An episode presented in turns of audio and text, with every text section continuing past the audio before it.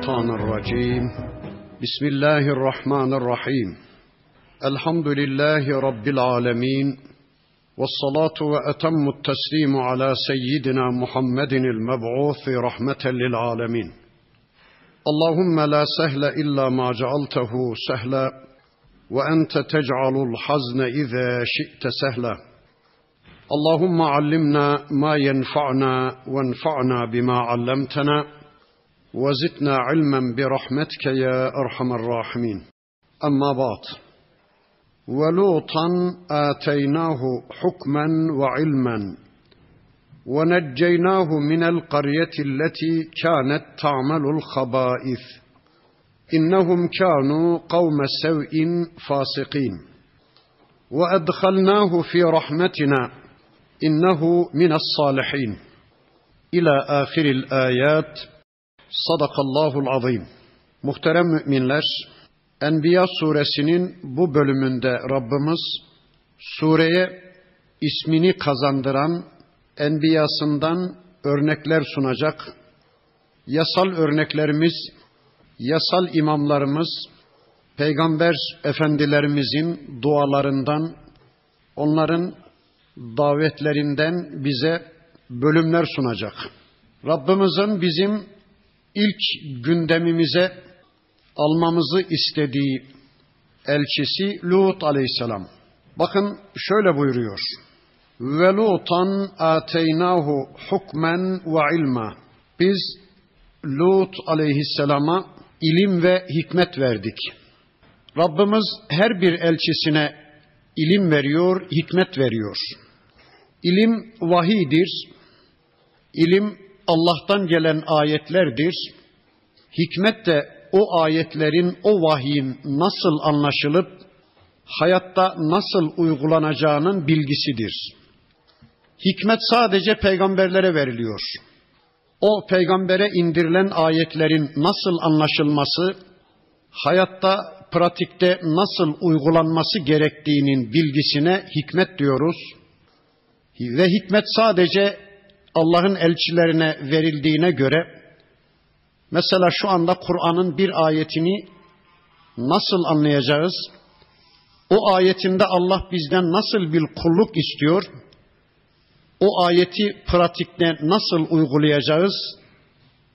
Biz mecburen sevgili peygamberimiz Hazreti Muhammed Mustafa sallallahu aleyhi ve sellem efendimizin o konudaki görüşüne müracaat etmek zorundayız. Sünnete müracaat etmek zorundayız. Evet, biz Lut aleyhisselama ilim ve hikmet verdik. وَنَجَّيْنَاهُ مِنَ الْقَرْيَةِ الَّتِي كَانَتْ تَعْمَلُ الْخَبَائِثَ Ve pislik işleyen o şehir halkının şerrinden, pisliğinden, zulmünden de biz Lut aleyhisselamı kurtardık. İnnehum kanu kavme sev'in fasikin. Şüphesiz ki Lut aleyhisselamın toplumu itaatten çıkmış, Allah'a kulluktan çıkmış, çok pis bir toplumdu, çok günahkar bir toplumdu. Ve edhalnahu fi rahmetina biz Lut aleyhisselamı rahmetimize katı verdik.'' Ona rahmetimizi tattırı verdik. Onu rahmetimizle kuşatı verdik de innehu minas salihin şüphesiz ki o salihlerdendi. O fıtratı temiz insanlardandı. Allah'la barışık bir hayat yaşayan elçilerdendi. Evet, bir önceki dersimizde de ifade ettiğimiz gibi Lut aleyhisselam İbrahim aleyhisselamın yeğenidir ve şu andaki Lut gölünün altında iki büyük şehirde peygamberdi. Sodom ve Gomore'de peygamberdi. Toplumunu Allah'ın ayetleriyle uyardı. Toplumuna Allah'ın ayetlerini ulaştırdı. Toplumunu Allah'a imana, Allah'a kulluğa, Allah'a itaate çağırdı. Ama toplum Lut aleyhisselamı dinlemeye yanaşmadı. Kitabımızın başka surelerinin beyanıyla Lut aleyhisselamın toplumunun bir ahlaksızlığı vardı, bir kötülüğü vardı, o da homoseksüellik. Erkekler kadınları bırakmışlar, erkeklere gidiyorlar. Cinsel arzularını tatmin için kadınlardan nefret edip erkeklere gitmeye başlamışlar. Kitabımızın beyanıyla alemlerde görülmedik bir ahlaksızlığı meşrulaştırmışlar. Hayvanlar aleminde bile görülmedik bir edepsizliği meşrulaştırmışlar ve cinsel sapıklıklarını Allah'a ve peygambere kafa tutacak bir seviyeye kadar getirmişler.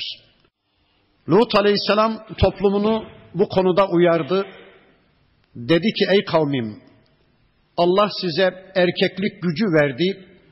Onu meşru bir biçimde Allah'ın nikah yasası dahilinde kadınlarla doyuma ulaştırasınız. Böylece neslin devamını, insanlığın devamını sağlayasınız diye Allah size bu gücü verdi. Sizler şu anda bu güçlerinizi israf ediyorsunuz. Allah'ın meşru görmediği yerlerde kullanmak suretiyle Allah'a isyan içinde bir hayatın adamı oluyorsunuz. Yapmayın, etmeyin dedi. Toplum dedi ki, ey Lut, boşuna yorma kendini. Bizim kadınlara karşı bir ilgimiz kalmadı. Bizim kadınlara karşı bir arzumuz, bir meylimiz kalmadı. Peki neden olmuştu bu? Bunu bugün için söyleyecek olursak işte şu anda Amerika'da müşrik batıda bunun çok çok yaygınlaştığını görüyoruz. Eğer bir toplumda yaşayan erkekler istedikleri kadar kadınla yatabilme özgürlüğüne ya da çılgınlığına ulaşmışlarsa, istediği kadına ulaşabilme çılgınlığını elde etmişlerse, elbette o toplumda kadınlara karşı bir doyum başlayacak, kadınlardan bir tiksinme başlayacak ve bir fıtrat bozukluğu içinde erkekler kadınlara değil de erkekler erkeklere belki bilmiyoruz, kadınlar da kadınlara gitmeye başlayacaklar. İşte böyle bir toplum içinde Lut aleyhisselam uyardı, toplum Lut aleyhisselamı dinlemedi. Melekler geldi, önceki derslerimizde de ifade etmiştik. Lut kavminin yaşadığı iki büyük şehir vardı, Sodom ve Gomorre. O iki büyük şehri gökyüzüne kaldırdılar Sonra ters çevirip melekler o iki şehri yere vuru verdiler. O bölge çökü verdi. Bir krater göl oluştu. Deniz seviyesinden 3-400 metre daha aşağıda şehir gömülüp gitti toprağın altına. İşte şu anda Lut Gölü var ve Lut Gölü'nün altında iki büyük şehrin insanları yatmaktadır. Ne ses veren var, ne bir devinim var, ne bir hareket var. İşte sonunda Allah'la savaşan bir toplum, Allah'ın haram helal yasalarını dinlemeden, Allah'ın nikah yasasını diskalifiye ederek, cinsel ahlaksızlığı Allah'a ve peygambere kafa tutacak bir seviyeye çıkaran bu toplum, yok edildi, yerin dibine batırıldı. Bundan sonra Rabbimiz bizim gündemimize enbiyasından sevgili peygamberlerimizden Nuh aleyhisselamı getirecek. Bakın buyuruyor ki Rabbimiz ve Nuhan iz nada min qablu. Daha önce Nuh da bize dua etmişti. Nuh aleyhisselam peygamberler içinde en çok ıstırap çeken, en çok işkenceye maruz kalan bir Allah elçisidir. 950 yıllık bir tebliğ süreci var Nuh aleyhisselamın dile kolay. Siz birilerine bir kere gidersiniz, iki kere, üç kere, beş kere, on kere din anlatmaya gidersiniz. Eğer karşınızdaki kişi sizi dinlememişse, istenilen noktaya gelmemişse, bıkarsınız, usanırsınız, sili verirsiniz, gazaplanırsınız, bir daha gitmezsiniz değil mi? Sizin o üç, beş, on gidişlerinizi yüzle çarpın, binle çarpın, işte Nuh Aleyhisselam 950 yıl toplumunu uyardı. Ey toplumum, sizin Allah'tan başka sözünü dinleyeceğiniz ilahınız, Rabbiniz yoktur. Sizin Rabbiniz sadece göklerin ve yerin Rabbi olan Allah'tır. Gelin içinizdeki salih kişileri putlaştırmaktan vazgeçin. Gelin küfür ve şirklerinize bir son verip Allah'a kulluğa dönün. Değilse ben sizin için büyük bir günün azabından korkuyorum. Ben sizin adınıza büyük bir günün azabından endişe duyuyorum dedi. Hangi gündü o?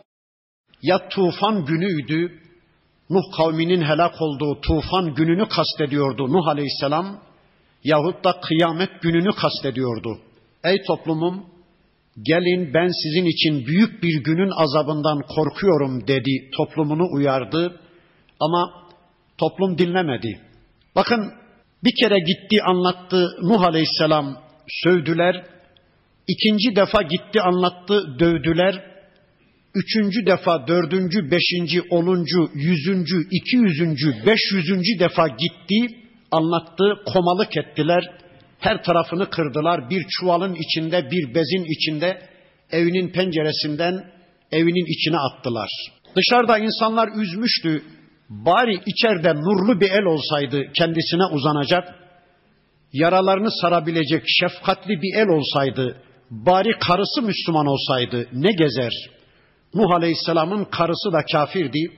Dışarıda insanlar sokuyor, üzüyordu. İçeride de bir kobra yılanı vardı, o sokuyordu. Düşünün 950 yıl böyle sıkıntılı bir tebliğ süreci. Bir ara gelmiş toplumu, ey Nuh çık seninle anlaşalım. Çıkmış evinden Nuh Aleyhisselam, buyurun demiş. Bakın toplum diyor ki ey Nuh Artık bir daha senin yüzünü görmek istemiyoruz. Senin sesini duymak istemiyoruz. Sokaklarımızda, caddelerimizde sakın bir daha bizim karşımıza çıkma. Sen dinden, diyanetten, Allah'tan, hesaptan, kitaptan, cennetten, cehennemden söz ettikçe bizim iştahımız kaçıyor. Bizim iştahımız gırtlağımızda düğümleniyor. Yiyeceğimiz naneleri rahat yiyemiyoruz. İştahımız kaçıyor. Ey Nuh bir daha karşımıza çıkma.'' Eğer bütün bu çabalamalarınla senin derdin şuysa, yarın Allah beni hesaba çekecek. Ey Nuh, ben seni filan topluma elçi olarak göndermiştim. Görevini yaptın mı? Benim sana gönderdiğim ayetlerimi benim kullarıma duyurdun mu? Benim kullarımı bana kulluğa davet ettin mi? Örneklik yaptın mı diye yarın Allah seni hesaba çekince ben ne yaparım, ne ederim, nasıl cevap veririm endişesiyle koşturuyorsan, bu tebliğini bunun için yapıyorsan diyorlar. Ey Nuh, vallahi de billahi de söz veriyoruz. Yarın biz senin lehinde şehitlik, şahitlik yapalım. Diyelim ki, Ya Rabbi, bu Nuh gerçekten görevini yaptı. Yemedi, içmedi, bize gerçeği anlattı, hakkı anlattı. Bütün suç bizimdir bu Nuh'un hiçbir suçu yoktur ya Rabbi diye bütün suçu üstümüze alalım. Yarın seni Allah huzurunda temize çıkaralım. Ey Nuh ama bundan böyle bir daha bizim karşımıza çıkıp bize dinden, diyanetten, Allah'tan, kitaptan, cennetten, cehennemden, hesaptan, kitaptan söz etme. Allahu Ekber. Küfürde ısrarlı bir toplum. Hatta bakın ölmek üzere olan yaşlı birisi çocuklarını ve torunlarını yanına çağırıyormuş ve şöyle diyormuş, oğullarım, torunlarım, bakın bizim ezeli ve ebedi düşmanımız Nuh'tur. Yarın öbürsü gün eğer ben ölürsem size vasiyetimdir, sakın benden sonra bu adama iman etmeyin. Benden sonra sakın bu adama iman etmeyin. Şuna bakın, çocuklarına, torunlarına bile küfrü vasiyet edecek kadar küfürde ısrarlı bir toplum, Nuh Aleyhisselam kitabımızın başka surelerinde anlatıldığına göre diyor ki ya Rabbi ben gece gittim, gündüz gittim, yazın gittim, kışın gittim, düğünde gittim, nişanda gittim, yalnız uyardım, insanların içinde uyardım, sesli uyardım, sessiz uyardım ama ben uyardıkça bu adamların firarı arttı, ben gittikçe bunlar kaçtılar, hatta cealu fi cealu asabi'ahum fi azanihim parmaklarını kulaklarına soktular benim sözlerimi duymamak için vestagşev thiyabehum elbiselerini omuzlarına attılar ya da elbiselerini üzerlerine bürüdüler. Bunun manası şudur. Nuh Aleyhisselam karşıdan çıkınca şu yine bizi tanıyacak da bir şeyler anlatacak, bizim huzurumuzu kaçıracak diye elbiselerini omuzlarına attıkları gibi, pardüsülerini omuzlarına attıkları gibi hemen yürüyorlarmış. Yani elbiselerini giyecek zaman kadar bile Nuh Aleyhisselam'ı dinlemeye tahammülleri olmadığı için elbiselerini omuzlarına attığı gibi yürüyorlarmış. Şu bize bir şeyler demesin, şunun sesini, sözünü duymayalım diye. Ya da elbiselerini başlarına örtüyorlar, bürünüyorlar. Şu bizi tanıyamasın da geçip gitsin, bize bir şey anlatmasın diye. Gerçekten küfürde ısrarlı bir toplum. 950 yıl görevi savsaklamadan, geçiştirmeden, vazifesinin ciddiyetine vakıf olmuş bir peygamber olarak çırpındı, çırpındı. Bakın Allah diyor ki iznada min qablu bize bir dua etmişti Nuh aleyhisselam. Ne demişti? Bakın duası da şöyleydi. Ya Rabbi inni mağlubun femtasır. Ya Rabbi ben mağlup oldum, benim yardımıma yetiş. Ya Rabbi ben bittim. Ya Rabbi ben tükendim. Yetiş imdadıma. Benim yapabileceğim bir şey kalmadı ya Rabbi. Bir de bedduası var. Bakın diyor ki Rabbi la tezer alel ardı minel kafirine deyyara. Ya Rabbi yeryüzünde bir tek kafiri sağ bırakma.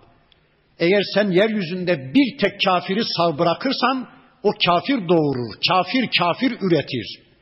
Küfür sistemi küfür yetiştirir, küfür üretir. Ya Rabbi ne olur yeryüzünde bir tek kafir bırakma diye beddua etti. Allah da onun duasını bakın şöylece kabul etti. Festecebna lehu biz de onun duasına icabet ettik. Fenecceynahu ve ehlehu minel kerbil azim onu ve ehlini, onu ve ailesini o büyük sıkıntıdan kurtarıverdik. Peki kimdi Nuh Aleyhisselam'ın ailesi, ehli? Karısı kafirdi, oğullarından birisi de iman etmemişti. İnnehu leyse min ehlik demişti başka surelerinde Rabbimiz. Peki kimdi Nuh Aleyhisselam'ın ehli? İman eden çocukları, gelinleri, kızları, torunları, bir de çok uzaktaki müminler. Tercihini peygamberden yana kullanmış, peygamberin kaptanlığına evet demiş, peygamber yörüngesine girmiş, peygamber eşliğinde yola çıkmış olan, gemiye binmiş olan Müslümanların tamamı onun ehliydi. İşte biz onu ve ehlini o büyük sıkıntıdan kurtardık. Ve nasarnahu minel kavmillezine kezzebu bi ayatina ayetlerimizi yalan sayan, ayetlerimizi yok farz eden, gelmemiş farz eden, yani ayetlerimizin işlevini bitiren o zalim topluma karşı biz ona yardım ettik.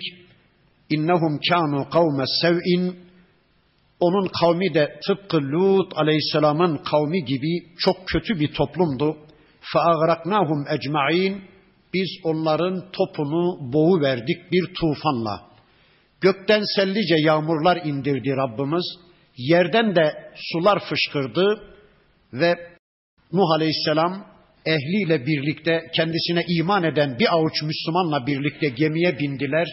Allah onları kurtardı ve yeryüzünde bir tek canlı bırakmamak kaydı şartıyla herkesi, bütün canlıları Rabbimiz helak etti. Acaba yeryüzünde bu kadar insan var mıydı o gün? Ya da bu kadar kara parçası oluşmuş muydu? Bilemiyoruz. Ne kadar kara parçası oluşmuş ve ne kadar insan yaşıyorsa, ne kadar hayvan yaşıyorsa işte o tufanla hepsi yok edildi ve gemiden inenlerin soyundan biz ikinci defa yeryüzünde bir daha çoğaldık. Dolayısıyla bizim birinci atamız Adem aleyhisselamdır, ikinci atamız da Nuh aleyhisselamdır. Bakın netice yine değişmedi. Kurtulanlar müminler, kaybedenler yine kafirler ve müşrikler. Bundan sonra Rabbimiz yine bizim gündemimize baba oğul iki peygamberi daha alacak. Ve Davude ve Süleymane. Bir de Davut ve Süleyman'ı hatırlayın. Davut ve Süleyman aleyhisselam yeryüzünde halifelik gerçeğini ilk defa gerçekleştiren iki peygamber. Bakın biz biliyoruz ki Adem aleyhisselam halife olarak yaratıldı yeryüzünde ama Allah'ın istediği halifelik yani İslam devleti Davut ve Süleyman aleyhisselam dönemine kadar yeryüzünde hiç mi hiç gerçekleşmedi. Yeryüzünde halifelik özelliğini ilk gerçekleştiren peygamber Davut aleyhisselam ve Süleyman aleyhisselamdır. Davut ve Süleyman aleyhisselamlar Filistin bölgesinde peygamber ve onlar döneminde İsrailoğulları yani o günkü Müslümanlar zirve noktada bir kulluk yaşadılar ve zirve noktada bir egemenliğe ulaştırıldılar. Bakın onlarla alakalı sadece bir tek konuyu anlatacak Rabbimiz buyurur ki İz yahkumani fil harfi o ikisi bir ekin tarlası konusunda hüküm vermişlerdi. İz nefeşet fihi ganemul kavmi bir topluluğun koyunları bir adamın ekin tarlasını yemişlerdi. Bir kişinin koyunları bir başka kişinin ekin tarlasını yayılmışlardı. Ekinin sahibi, tarlanın sahibi Davut Aleyhisselam'a gelip şikayette bulundu. Dedi ki ey Allah'ın elçisi hem de melikti, kraldı Davut Aleyhisselam. Filan kişinin koyunları benim tarlamı yayıldılar. Benim ekin tarlamda hiç ekin bırakmadılar. Ben bu işten şikayetçiyim, ben davacıyım. Bu konuda fetva nedir, hüküm nedir diye sordu. Önce Davut Aleyhisselam, baba Davut Aleyhisselam hükmünü verdi. Koyunların değeri ne kadar diye sordu. Şu kadar dediler. Peki ekinin değeri, tarlanın değeri ne kadar? Şu kadar. Baktı ki Davut Aleyhisselam koyunların değeriyle ekin tarlasının ve ekinin değeri birbirine yakın. Dedi ki koyunlar ekin sahibine verilecek, tarla da koyunların sahibine verilecek diye böylece fetvasını verdi, hükmünü verdi. Oğlu Süleyman aleyhisselam henüz peygamber değil 10 yaşlarında bir çocuktu. Dedi ki babacığım ben bundan daha güzel bir hüküm biliyorum. Söyle oğlum dedi Süleyman aleyhisselama Davut aleyhisselam. 10 yaşlarındaki çocuk dedi ki koyunlar ekin sahibine verilecek. Ekin koyunların yediği döneme gelinceye kadar o boya gelinceye kadar koyunlar ekin sahibinde kalacak. Bu arada koyunların sütünden, yününden, yavrusundan ekin sahibi istifade edecek, zararını tazmin edecek. Tarla da koyunların sahibine verilecek. O da koyunların yediği miktardan arta kalan neyse o ürünleri devşirsin ve ekini gelecek sene bir daha eksin. Koyunların yediği döneme ulaşıncaya kadar ekin tarlası da koyunların sahibinde kalsın. Ekin işte o noktaya ulaşınca ekin ekin sahibine, koyunlar da koyunların gerçek sahibine verilsin. Böylece ekin sahibi ekinler o hale gelinceye kadar ikinci sene ekilip de koyunların yemediği döneme ulaşıncaya kadar koyunların sütünden, yününden istifade etsin. Böylece ekin sahibi zararını tazmin etsin diyor. Gerçekten 10 yaşlarındaki bir çocuk, Allah kontrolündeki bir çocuk çok güzel bir hüküm verir, çok güzel bir fetva verir. Bakın Allah diyor ki ve kunna li hukmihim şahidin biz her ikisinin de hükmüne şahit idik. Fefehemnaha Süleymane o hükmü Süleyman'a da biz öğretmiştik. Ve kullen ateyna hukmen ve ilma biz elçilerimizden her birerine ya da hem Davut hem de Süleyman aleyhisselamlardan her birerine hikmet ve ilim verdik. Başta söyledim Rabbimiz ilim ve hikmet veriyor elçilerine. Sonra diyor ki bakın وَسَخَّرْنَا مَعَ دَاوُودَ الْجِبَالَ يُسَبِّحْنَ وَالطَّيْرَ Yine biz dağları ve kuşları Davut Aleyhisselam'ın emrine musahhar kıldık. Davut Aleyhisselam o güzel sesiyle, o Davudi sesiyle Zebur'u okurken dağlar da ona eşlik ediyordu. Ya aksı seda ile ya da bizzat dağlar da onun tesbihine eşlik ediyordu. Kuşlar da öbek öbek Davut Aleyhisselam'ın üstünde toplanıyorlar. Onlar da Allah'ı tesbih ediyorlar. Onlar da Davut Aleyhisselam'ın tesbihine eşlik ediyorlardı. Ya Subhanallah diyorlardı ya da Ya Rabbi bizler de tıpkı Davut kulun gibi seni noksan sıfatlardan münezzeh ve kemal sıfatların sahibi biliyoruz. Ya da ya Rabbi bizler de yaratılış gayemizin dışına çıkmadan bize yüklediğin rolü üstlenerek bizler de seni tesbih ediyoruz diye onlar da Davut Aleyhisselam'ın tesbihine iştirak ediyorlardı. Ve kunna failin ve bütün bunları yapan eden bizdik diyor Rabbimiz. San'ate lebusin lekum li tuhsinekum min be'sikum.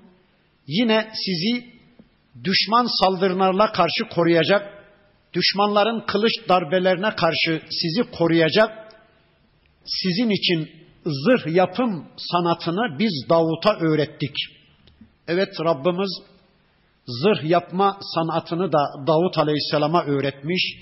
Öyle muazzam bir zırh yapıyordu ki demir onun elinde kitabımızın bir başka ayetinin beyanıyla hamur gibi ona teslim oluyordu. Nasıl bir güç kuvvetse kadınların ellerindeki hamura şekil verdikleri gibi Davut Aleyhisselam da elindeki demir hamura dönüşüyor. Ona istediği gibi şekil veriyordu. Onun yaptığı zırh kollar çok rahat hareket ediyor, beden çok rahat hareket ediyor. Allah ona böyle bir zırh yapma sanatını öğretmişti. Fehel entum şakirun hala şükretmeyecek misiniz? Bakın Allah bize soru soruyor.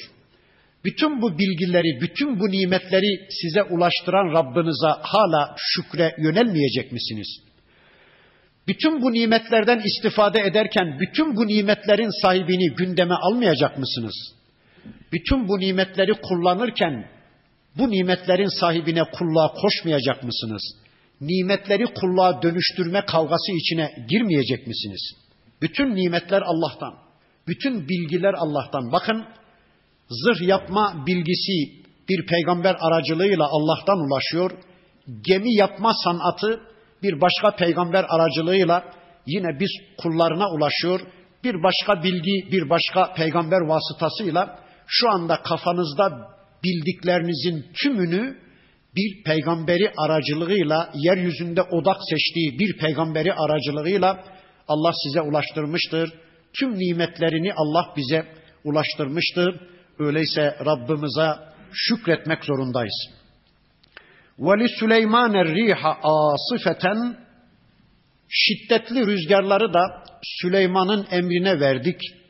Tecri bi emrihi ilel ardilleti barakna fiha. İçini mübarek kıldığımız ya da içinde Mescid-i Aksa'yı mübarek kıldığımız ya da çevresini bereketli kıldığımız topraklara doğru o Filistin'e doğru rüzgarlar eser giderlerdi. Süleyman Aleyhisselam o rüzgarlara binerdi de o rüzgarlar Süleyman peygamberi dilediği istikamette, dilediği yere, dilediği suratte götürürlerdi. Allahu Ekber. Süleyman peygamber rüzgarlara biniyor, rüzgarları Allah onun emrine amade kılmış, dilediği süratle, dilediği yere rüzgarlar onu götürüyordu. Ve kunna şeyin alimin gerçekten her şeyi bilen bizdik. Bu bilgimizle işte rüzgarları Süleyman Aleyhisselam'ın emrine amade kılan bizdik diyor Allah. Bilgi Allah'tan, bilginin kaynağı Allah, bilen Allah o bilgisiyle, o hikmetiyle bakın kullarına nimetler sunuyor. Süleyman Aleyhisselam'a Allah başka ne nimetler lütfetmiş? Ve mineşşeyatini. Biz şeytanları ve cinleri de Süleyman Aleyhisselam'ın emrine vermiştik. Allahu Ekber. Cinleri ve şeytanları Rabbimiz Süleyman Aleyhisselam'ın emrine vermiş. Ne iş yaparmış onlar? Men yagusune lehu. Onlar Süleyman Aleyhisselam için denizin derinliklerine dalıyorlar. Oradan ona inci ve mercan çıkarıyorlar denizin altındaki tüm nimetleri Süleyman Aleyhisselam'ın ayağının altına seriyordu. Cinler ve şeytanlar dalgıç olarak çalıştırıyordu Süleyman Aleyhisselam onları. Başka ne görev varmış cinlerin ve şeytanların? Ve ya'meluna amelen dune zalik. Bir de bunun dışında başka işlerde de Süleyman Aleyhisselam cinleri ve şeytanları kullanıyordu. Mesela inşaat yapımında kullanıyordu. Mesela Belkıs'ın tahtını getirme konusunda kullanmıştı Süleyman Aleyhisselam cinleri. Mesela Mescid-i Aksa'nın şu anda Kudüs'teki Mescid-i Aksa'nın inşaatında kullanmıştı Süleyman peygamber o cinleri ve şeytanları. Kimisi yapı ustası, kimisi suvacı, kimisi demir ustası gibi cinleri ve şeytanları zincirlere vurulmuş bir biçimde prangalar altında Süleyman Aleyhisselam çalıştırıyordu. Hatta bakın Kur'an-ı Kerim'de Süleyman peygamberin vefat olayı anlatılır. Henüz Mescid-i Aksa tamamlanmamış ve Süleyman Aleyhisselam'ın ömrü de bitmiş. Vefat ediyor. Asasına dayanmış bir biçimde pencereden şöyle Mescid-i Aksa'ya doğru bakar bir biçimde vefat etmiş. Ama cinler ve şeytanlar bu işin farkına varamamışlar. Onlar çalışmaya devam ediyorlar. Nihayet Mescid-i Aksa'nın inşası tamamlanmış. Süleyman peygamberin de dayandığı asayı bir kurt yemiş. Allah Kur'an'da anlatıyor.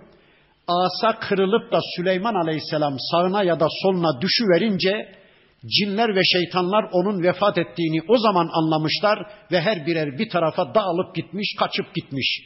Peki Allah bunu niye anlatıyor Kur'an'da? Hiçbir peygamberin vefat hadisesini anlatmayan Rabbimiz acaba Süleyman Aleyhisselam'ın bu vefat hadisesini niye anlatıyor? Şunun için bakın iki sebeple. Bir, cinlerin ve şeytanların hiçbir bilgiye sahip olmadıklarını bize öğretmek için anlatıyor Rabbimiz. Bakın tarih içinde cinlere tapınmış insanlar. Niye? Sanki cinlerin bilgisi Allah bilgisine eş, sanki cinlerin gücü Allah gücüne eşmiş gibi algılamış insanlar tarih içinde çok güçlü görmüşler, çok bilgili görmüşler cinleri de cinlere tapınmışlar. Bakın Allah diyor ki ey kullarım yapmayın etmeyin. Süleyman peygamberin öldüğünün bile vefat ettiğinin bile farkına varamadılar. Asası devrilip de Süleyman aleyhisselam yıkılıncaya kadar onun ölümünün bile farkına varamadılar. İşte cinlerin bilgisi bu kadar, işte şeytanların bilgisi bu kadar. Onlar tapınılmaya değer varlıklar değildir diye Rabbimiz bir bu konunun aydınlanması için anlatıyor. Bir de şunun için Allahu alem bakın öyle muazzam bir mülkün sahibi ki Süleyman Aleyhisselam rüzgarlar onun emrinde, cinler, şeytanlar onun emrinde, kuşlar, kurtlar, dağlar, taşlar onun emrinde, insanlar onun emrinde bir melik peygamber böyle bir mülkün sahibine bile bu dünya kalmadı da ey kullarım size mi kalacak? Dünya Süleyman Aleyhisselam'a bile kalmadı da size mi kalacak? Onun öldüğü bir dünyada siz kazık mı çakacak? Yani ölmeyecek misiniz? Siz de öleceksiniz mesajını ulaştırmak üzere Rabbimiz hiçbir peygamberin ölüm haberini Kur'an'da anlatmadığı halde Süleyman Aleyhisselam'ın vefat haberini bize anlatıyor. Bundan sonra Rabbimiz Eyüp Aleyhisselam'ı bizim gündemimize getirecek. Bakın şöyle buyuruyor. Ve Eyyube bir de Eyyub'u hatırlayın. İznâdâ rabbehu o Rabbına şöylece dua etmişti. İnni messeniye durru ya Rabbi bana bir zarar dokundu. Bana bir hastalık ilişti. Ve ente erhamur rahimin. Ya Rabbi sen merhametlilerin en merhametlisisin. Konuyu kısaca bir özetleyeyim. Eyyub Aleyhisselam bir zamanlar malı mülkü olan, sağlığı sıhhati yerinde olan, hanımı ve çocukları olan, gücü kuvveti olan bir peygamber. Allah ona imtihan gereği bir hastalık gönderiyor. Uzun yıllar o hastalık onu bırakmıyor. Öyle bir an geliyor ki şeytan gelip Eyüp Aleyhisselam'ın hanımını ve çocuklarını da ikna ediyor. Diyor ki bu sahtekarın teki, bu babanız, bu kocanız sahtekarın teki. Bu bir peygamber değil. Eğer bu gerçekten Allah'ın salih bir kulu olsaydı, Allah'ın salih bir elçisi olsaydı Allah bunu böyle rezil bir konumda imtihan etmezdi. Babanız bir peygamber değil sizi kandırıyor o sahtekarın teki dedi. Hanımını ve çocuklarını ikna etti şeytan. Eyyub Aleyhisselam'ın hanımı ve çocukları da Eyyub Aleyhisselam'ı terk ettiler. Yapayalnız kaldı. Her şeyini kaybetmiş bir imtihan konumunu düşünün. Mal mülk gitti, çoluk çocuk gitti, oğul kız gitti, hanım gitti, sağlık gitti, sıhhat gitti. Her şeyini kaybetmiş, sıfırı tüketmiş, sıfırın altında imtihana çekilen bir peygamberi gözünüzün önüne getirin. Bakın diyor ki ya Rabbi bana bir zarar dokundu. Ve ente erhamur rahimin. Sen merhametlilerin en merhametlisisin. Bakın şöyle demiyor Allah'ın elçisi. Ya Rabbi bana bir zarar dokundu. Ya Rabbi bu hastalık iflahımı kesti. Ne olur bana sağlığımı geri ver. Ne olur kaybettiğim çocuklarımı bana geri döndür. Kaybettiğim hanımımı bana geri ver ya Rabbi demiyor da ne diyor bakın? Ya Rabbi sen merhametlilerin en merhametlisisin. Bunu şöyle anlıyoruz. Bakın bir peygamber de olsa hiçbir kimse hangi imtihan konumunun kendisi için daha hayırlı olduğunu, hangi imtihan konumunun kendisini cennete götürdüğünü bilmesi mümkün değil. Yani önceki varlıklı imtihan konumu mu onun için hayırlı, onu cennete götürüyordu? Yoksa şu anda sıfırı tüketmiş bir imtihan konumu mu onun cennetine sebep olacak? Bunu kimse bilemez ki.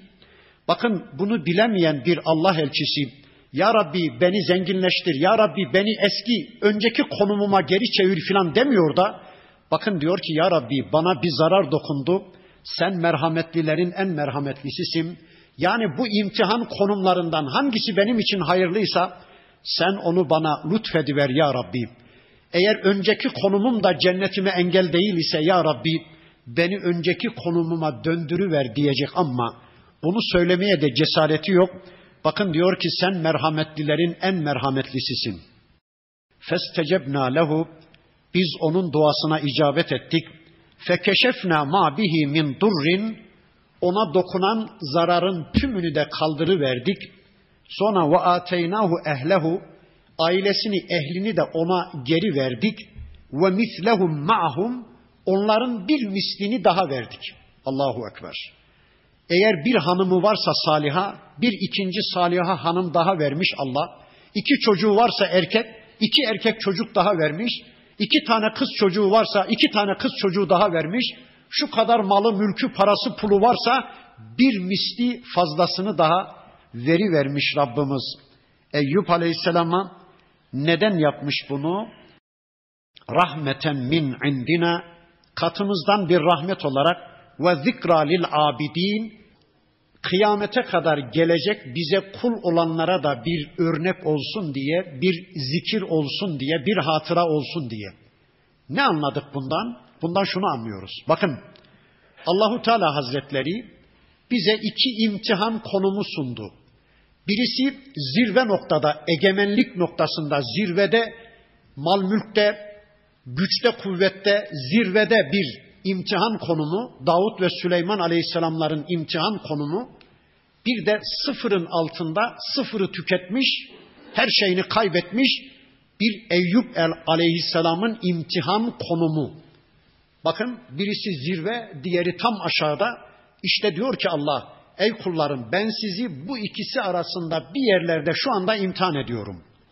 Eğer güçle, kuvvetle, iktidarla, fırsatla, zenginlikle imtihana çekilirseniz tıpkı kulum Davut ve Süleyman aleyhisselamlar gibi davranın, şımarmayın. Sahip olduklarınızı kendinizden bilmeyin. Beni diskalifiye etmeye kalkışmayın. Kendinizi tanrılaştırmaya kalkışmayın. Tıpkı Davut ve Süleyman kullarım gibi bana kul köle olun. Sahip olduklarınızın tümünü benden bilip bana kulluğa dönüştürün. Eğer sizi sıfırın altında her şeyinizi kaybetmiş bir biçimde imtihana çekmişsem, işte Eyüp Aleyhisselam'ın imtihan konumundasınız demektir. O zaman da üzülmeyin, intihar etmeye kalkışmayın, mahvetmeyin kendinizi, ümit inkisarına uğramayın. Tıpkı kulum Eyüp gibi dua dua yalvarın.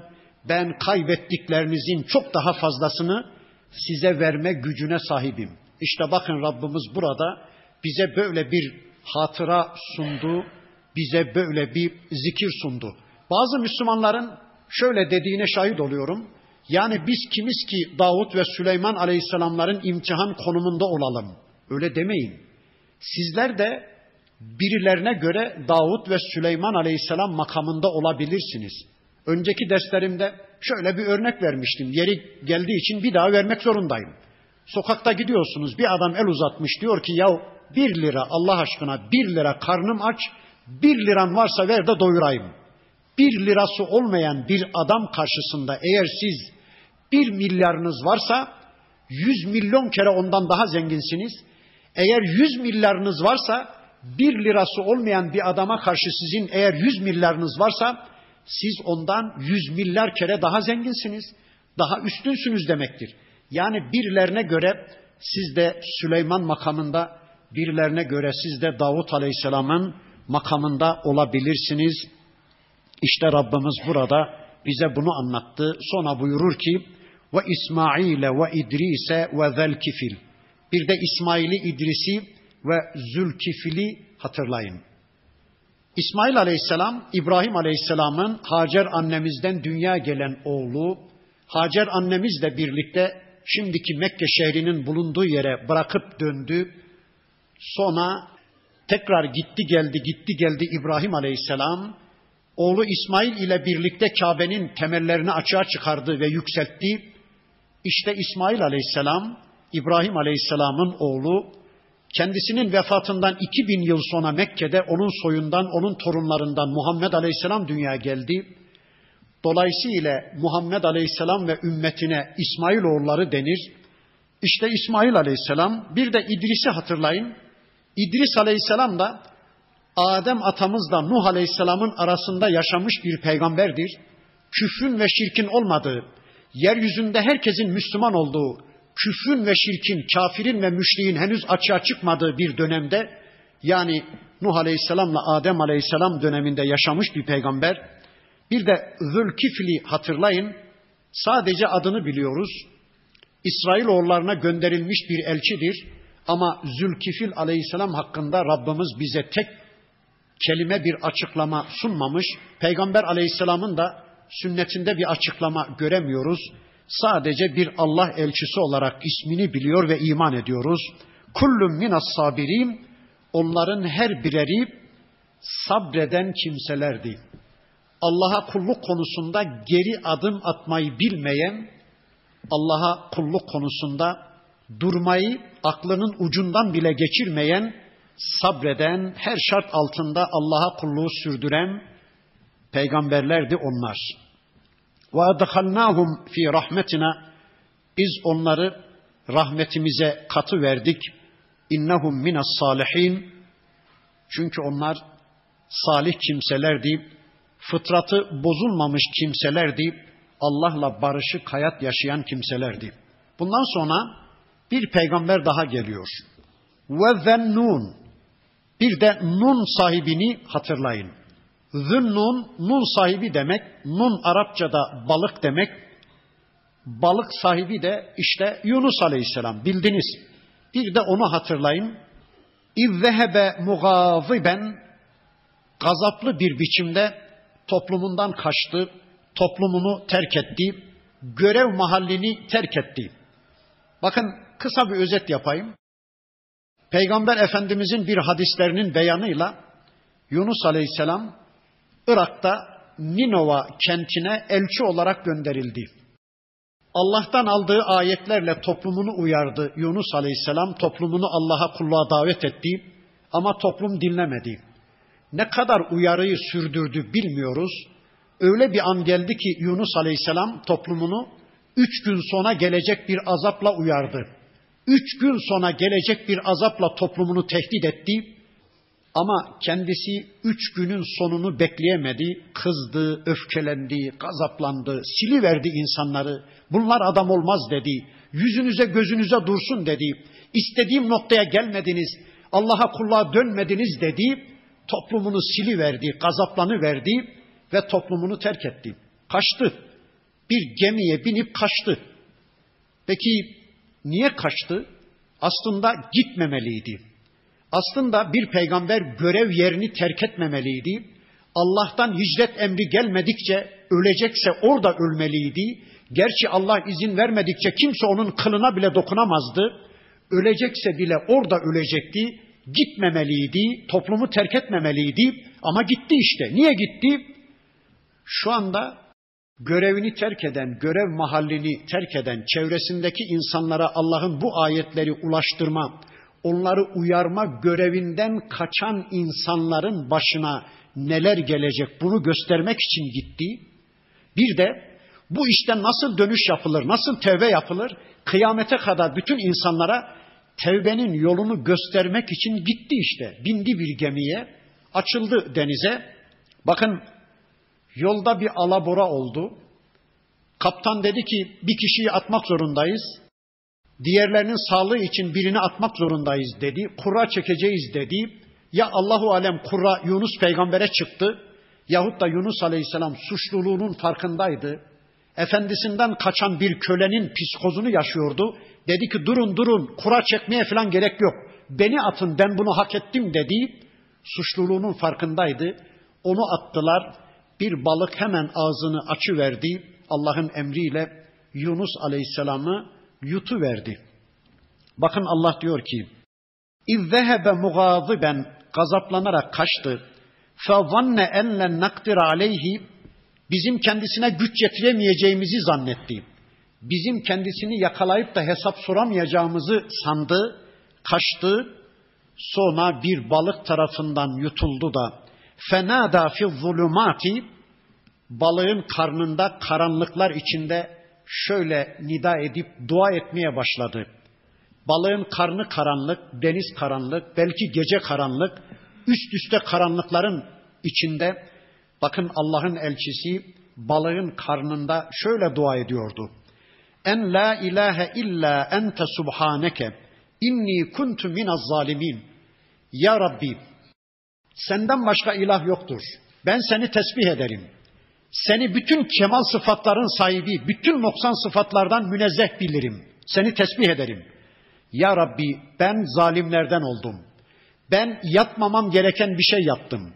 Ben olmamam gereken bir konumda bulundum. Ben yapmam gerekeni yapmadım.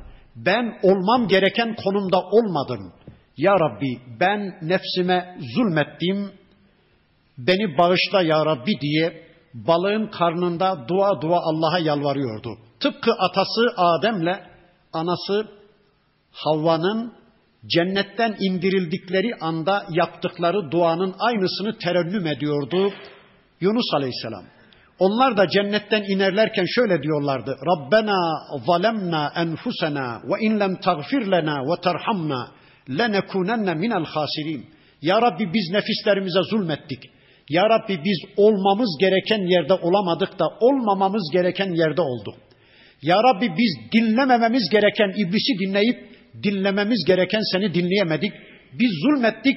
Eğer bizi yarlıgayıp bağışlamazsan dünyamızı da ukbamızı da kaybederiz diye atamız Adem'le anamız Havva dua etmişti ya. Bakın onların torunu Yunus Aleyhisselam aynen onların duasına benzer bir duayla dua etti.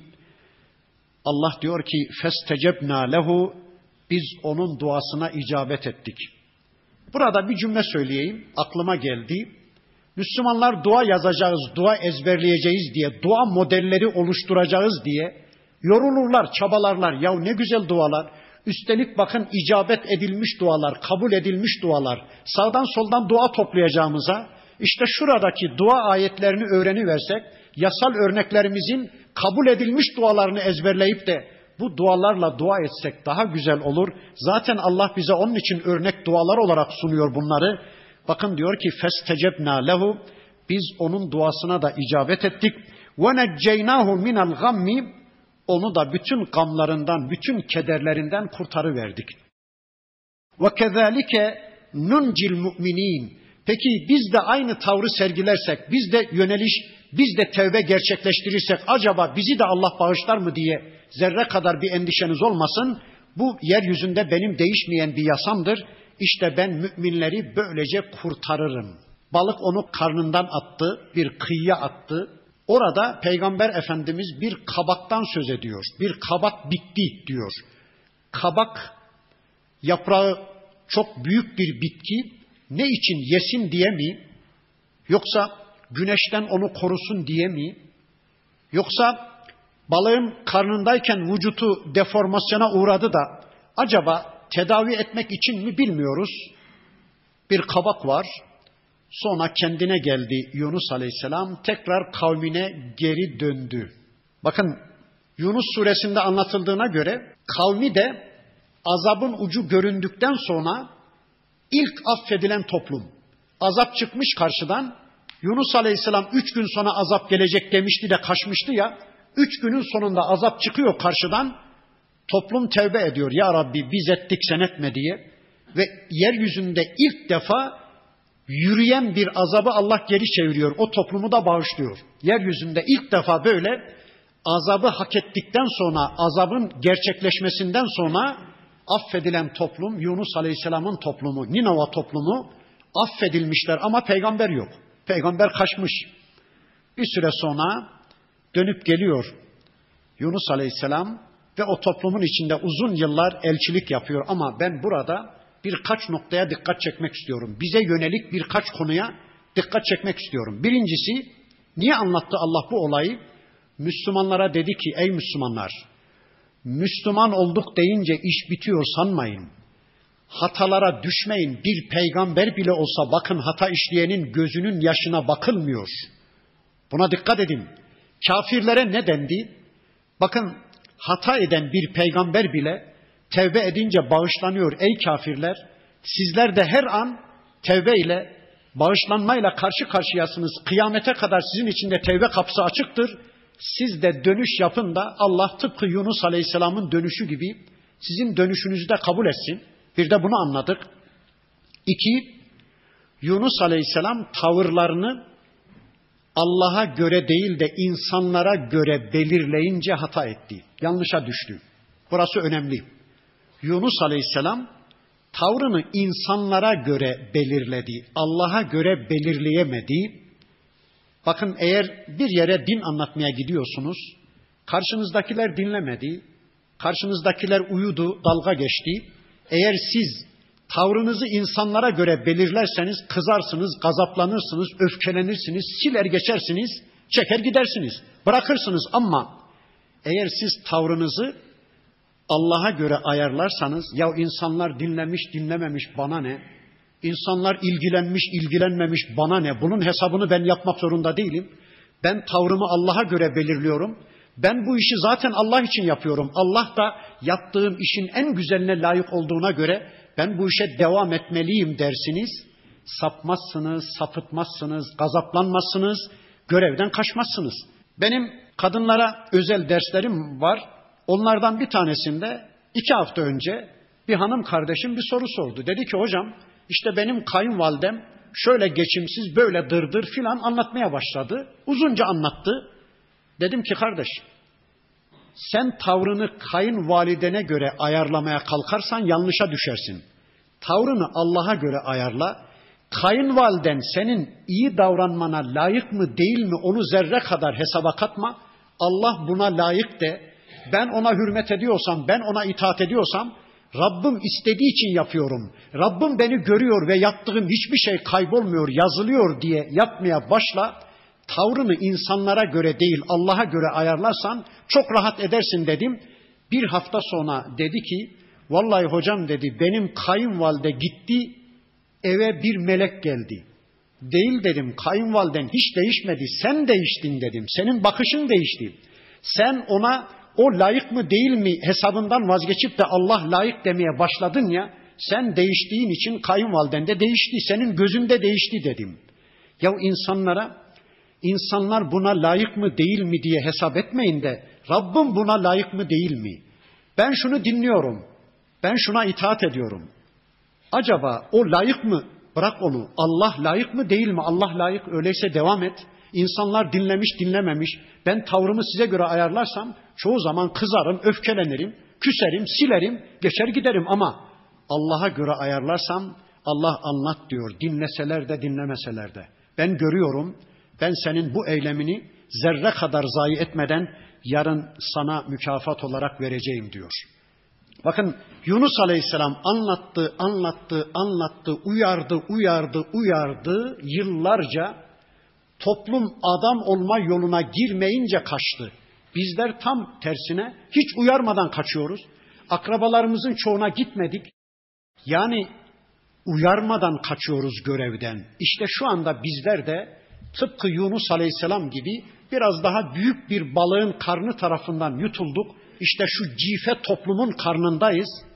Ne ekmeğimize sözümüz geçiyor, ne mektebimize sözümüz geçiyor, ne hukukumuza sözümüz, ne eğitimimize sözümüz, ne piyasamıza, ne ticaretimize, ne kılık kıyafetimize, hiçbir şeyimize sözümüz geçmiyor. Rezil bir toplum olduk.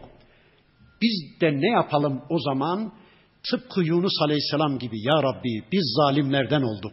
Biz görevden kaçtık. Ne olur ya Rabbi bizi bağışla da şu karanlıklardan bizi kurtar. Özgürce bir dünyaya, Müslümanca bir dünyaya. Bizi şu cife toplumun karnından özgürce bir hayata çıkar ya Rabbi. Özgürce bir dünya bizi ulaştır ya Rabbi diye biz de tıpkı Yunus Aleyhisselam gibi Allah'a dua edelim. Ve burada inşallah kalalım. Surenin bundan sonraki bölümünü tanımak için önümüzdeki hafta tekrar bir araya gelmek üzere Allah'a emanet olun. Subhaneke Allahumma ve bihamdik. Eşhedü en la ilahe illa ente estağfiruke ve etubu ileyk. Velhamdülillahi Rabbil alemin.